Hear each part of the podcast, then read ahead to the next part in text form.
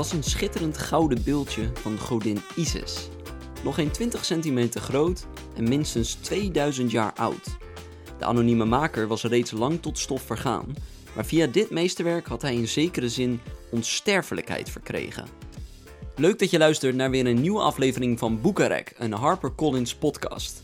Ik ben Sjors en de woorden die ik net sprak zijn de eerste woorden uit de nieuwe spannende thriller Het ISIS-geheim van Jeroen Windmeijer en Jacob Slavenburg. De ene een succesvol thrillerauteur en de ander een bekend cultuurhistoricus. Vorig jaar besloten deze twee mannen de krachten te bundelen en schreven ze samen voor het eerst een boek. Een boek waarin spanning en historie met elkaar verbonden worden. Ik sprak bij de heren over het succes van hun eerste samenwerking en ontdekte tijdens het gesprek dat dit niet een eenmalige samenwerking zal zijn. Ja, Jeroen Windmeijer en uh, Jacob Slavenburg, uh, auteurs beide van het, uh, het boek Het ISIS-geheim. Ja, dat boek ligt, ligt nu al even in de winkel. Maar Jeroen, even terug naar jouw begin. Er werd toen wel eens gezegd van jij bent een beetje de, de Dan Brown van de lage landen. Hoe, toen, toen in die tijd, hoe zag jij dat toen door je zo werd genoemd? Was dat een compliment of, of ja, begreep je het of niet? Ja, absoluut. Ik denk dat ik het, dat een logische keuze was. Hè? Want Dan Brown die, die speelt natuurlijk ook een spel, als je dat zo kunt noemen, met, met, met feit en fictie, waarin ook uh, de begintijd van het christendom centraal staat. En waar hij ook bepaalde vragen stelt bij traditionele uitleg van, van die geschiedenis. Um, mijn boeken hebben ook, net als hij, uh, spanning en tegelijkertijd zit er ook veel kennis in verwerkt. Ik denk dat dat mensen ook leuk vinden aan boeken als, van Dan Brown en aan boeken van mij. Uh, dus ik heb dat altijd echt een heel groot compliment gevonden om met hem vergeleken te worden. Met jouw boeken en dus dan ook een beetje Dan Brown, het zijn altijd het zijn spannende boeken, maar uh, ze leren de lezer ook iets. Dat is wel iets wat jij belangrijk vindt, toch? Ja, klopt. Ik, ben, ik kom echt uit een onderwijzersfamilie en zelf ben ik ook, ik denk toch ook wel leraar in hart en nieren. Ik heb altijd voor de klas gestaan, lange tijd als Nederland, docent Nederlands als tweede taal. En toen heel lang als docent uh, godsdienst en als docent maatschappijleer. Dus ik vind het altijd leuk om ja, mensen iets te leren, uh, wat ze nog niet wisten. Um, en ik denk dat voor mij, zelf vind ik ook thrillers leuk uh, waar je nog iets van opsteekt. Dus dat je niet alleen een spannend verhaal gaat dat van A naar B gaat. Op de laatste bladzijde ontdek je dat de butler het gedaan heeft of haar beste vriendin, die ze zo vertrouwde. Maar dat, je toch, dat het toch iets meer inhoud heeft dan, dan dat met veel andere boeken denk ik anders als ik ze uit heb. Denk ik, nou ja, oké, nu weet ik wie het gedaan heb, heeft.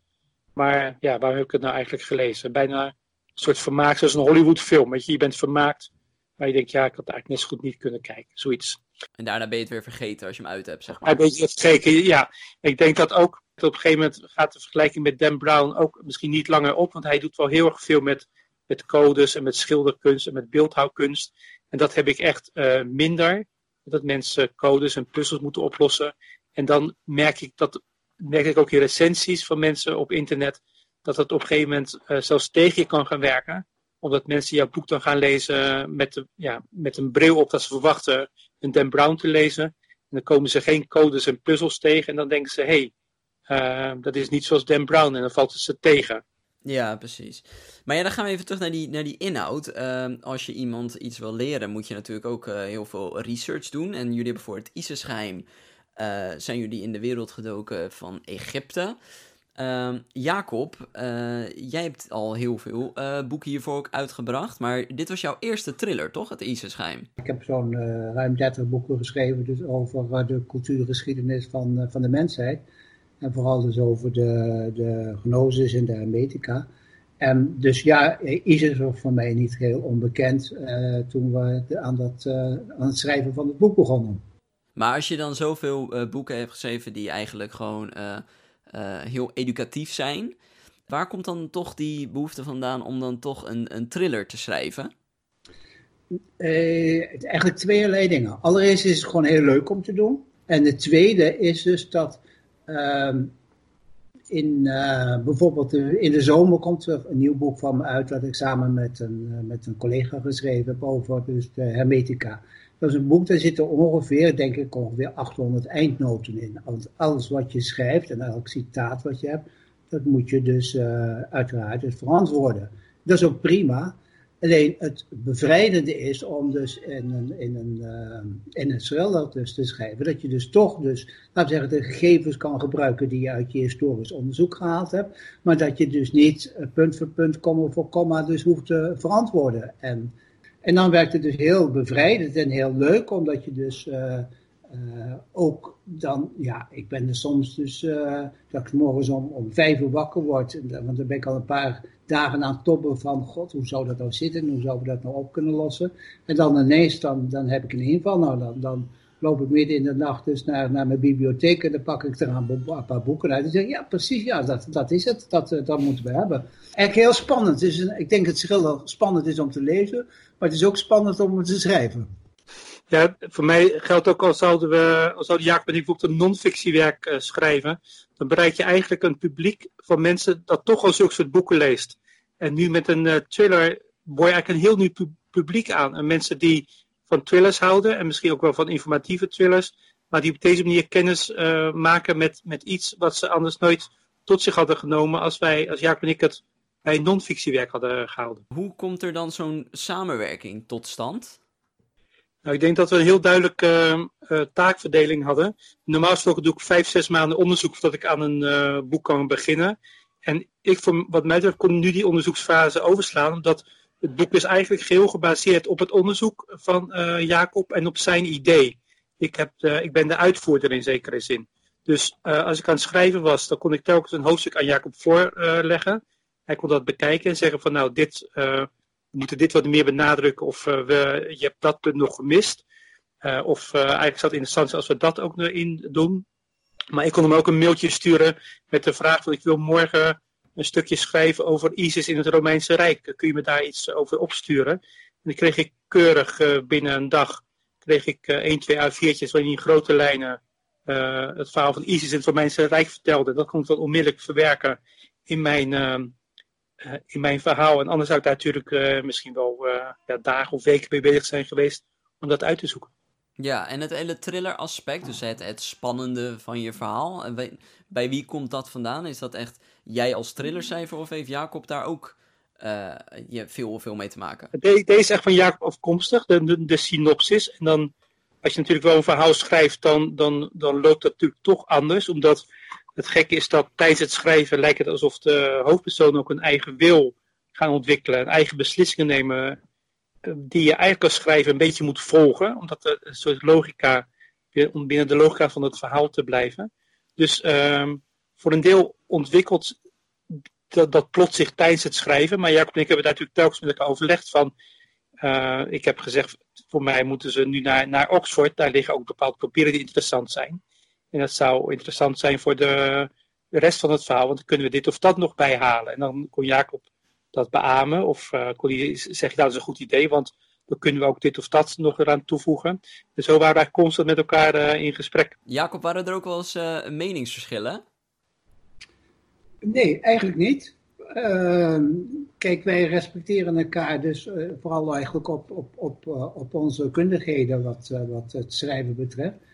En uh, ik, ik, uh, nee, er is eigenlijk nooit een, een, een, een, fout woord gevallen. Maar dit is jullie, het ISIS-geheim is jullie eerste boek samen. Stel als lezer, uh, kent, je kent jullie werk allebei niet. Waarom zou je dit boek dan willen lezen? Nou, ik denk dat het eerste plaats ehm, dat mensen, zeker in deze tijd, en nu ze meer tijd hebben om, om, om thuis te, te, te zijn en te lezen Mensen vinden het gewoon leuk om vermaakt te worden, hè? want dat wil ik eigenlijk in de eerste plaats. Ik wil in de eerste plaats dat mensen gewoon fijne uren beleven door het lezen van mijn boek. Dat is eigenlijk de, de tijd of de wereld om zich heen vergeten en uh, verdwijnen in zo'n boek. Dat is eigenlijk mijn eerste uh, wat ik wil. En dan vind ik het nou helemaal leuk als mensen dan nieuwsgierig worden, bijvoorbeeld naar ISIS of naar de Egyptische godsdienst of naar parallellen die er zijn tussen het christendom en andere godsdiensten en mythologieën. Dan vind ik het leuk als mensen daar uh, iets van opsteken. Iets over willen leren. Ik vind het ook heel erg leuk als mensen mij een mailtje sturen. En dan zeggen van, god, na lezen van Isis Geheim of van een ander boek, ben ik naar de biep gegaan om uh, boeken over Egyptische mythologie te halen bijvoorbeeld. Omdat ze dan zo geraakt zijn door wat ze hebben gelezen, dat vind ik dan echt een enorm leuk compliment. Het Isis-geheim is een, een op zich staand verhaal, maar jij zei net al, de, de, de, jullie samenwerking, dat smaakt naar meer. Absoluut. Het is zo goed uh, verlopen en zonder enige rimpeling eigenlijk. Dat Jacob kwam eigenlijk al vrij snel met een uh, ander idee. Waarbij uh, ja, de, de slang, de, slang die de, of de rol die de slang speelt in verschillende culturen. een, een, ja, een groot een thema zou kunnen worden van een nieuwe thriller. Je hebt natuurlijk okay. de slang in, de, in het paradijs met Adam en Eva. Je hebt ook de slang in andere culturen eigenlijk wereldwijd door alle tijden heen dat die slang een, een, belangrijk symbool is geweest. Ook van regeneratie, van opnieuw geboren worden. Veel culturen dachten dat die slang vervuilt of die krijgt een nieuwe huid. En dan dachten ze dat de slang in zekere zin een soort uh, werd een symbool voor onsterfelijkheid. Dat ze dachten dat hij eigenlijk zijn oude lichaam afwierp en weer uh, opnieuw verder ging. Ja. En daar, zit, daar zitten zoveel interessante aspecten aan. Aan die slang, ook aan het verhaal van, van uh, Adam en Eva. In, uh, in, Genesis wordt de, de, mens twee keer geschapen. Er zou sprake zijn nog, nog van een vrouw voor Eva. Dat is de vrouw Lilith. Uh, die uh, niet, niet zo volgzaam was. Die wat zelfstandig was. En eigenlijk uit het verhaal is verdwenen. En er kwam een tweede vrouw voor in de plaats. Dat was dan Eva. Die wat gedwee was en wat gehoorzamer was. en daar willen we eigenlijk op focussen. Ook op dat paradijsverhaal.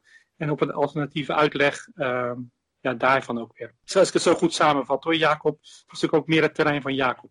Ja, ik ben het er helemaal mee eens. Het is, uh, het is een heel boeiend onderwerp. En uh, juist omdat we er nu mee bezig zijn, ontdek ik steeds meer dingen. Denk ik, hé, hey, god, dat, uh, daar is eigenlijk heel weinig over geschreven. Maar uh, ja, dat, dat, is, ja, dat is eigenlijk adembenemend. Dus ja. we, we, we verwachten er ook wel wat van. En dit, uh, deze samenwerking, jullie zijn nu al, jullie zijn dus nu een beetje in de, in de researchfase daarvan?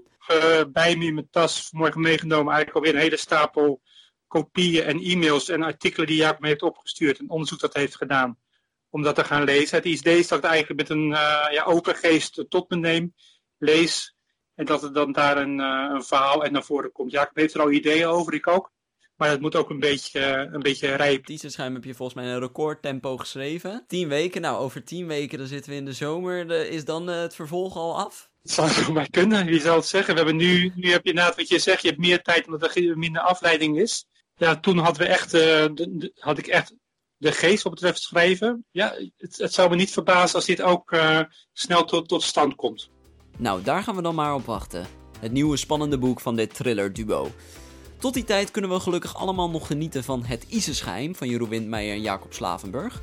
Het boek is verkrijgbaar bij alle on- en offline boekhandels of kijk even op harpercollins.nl.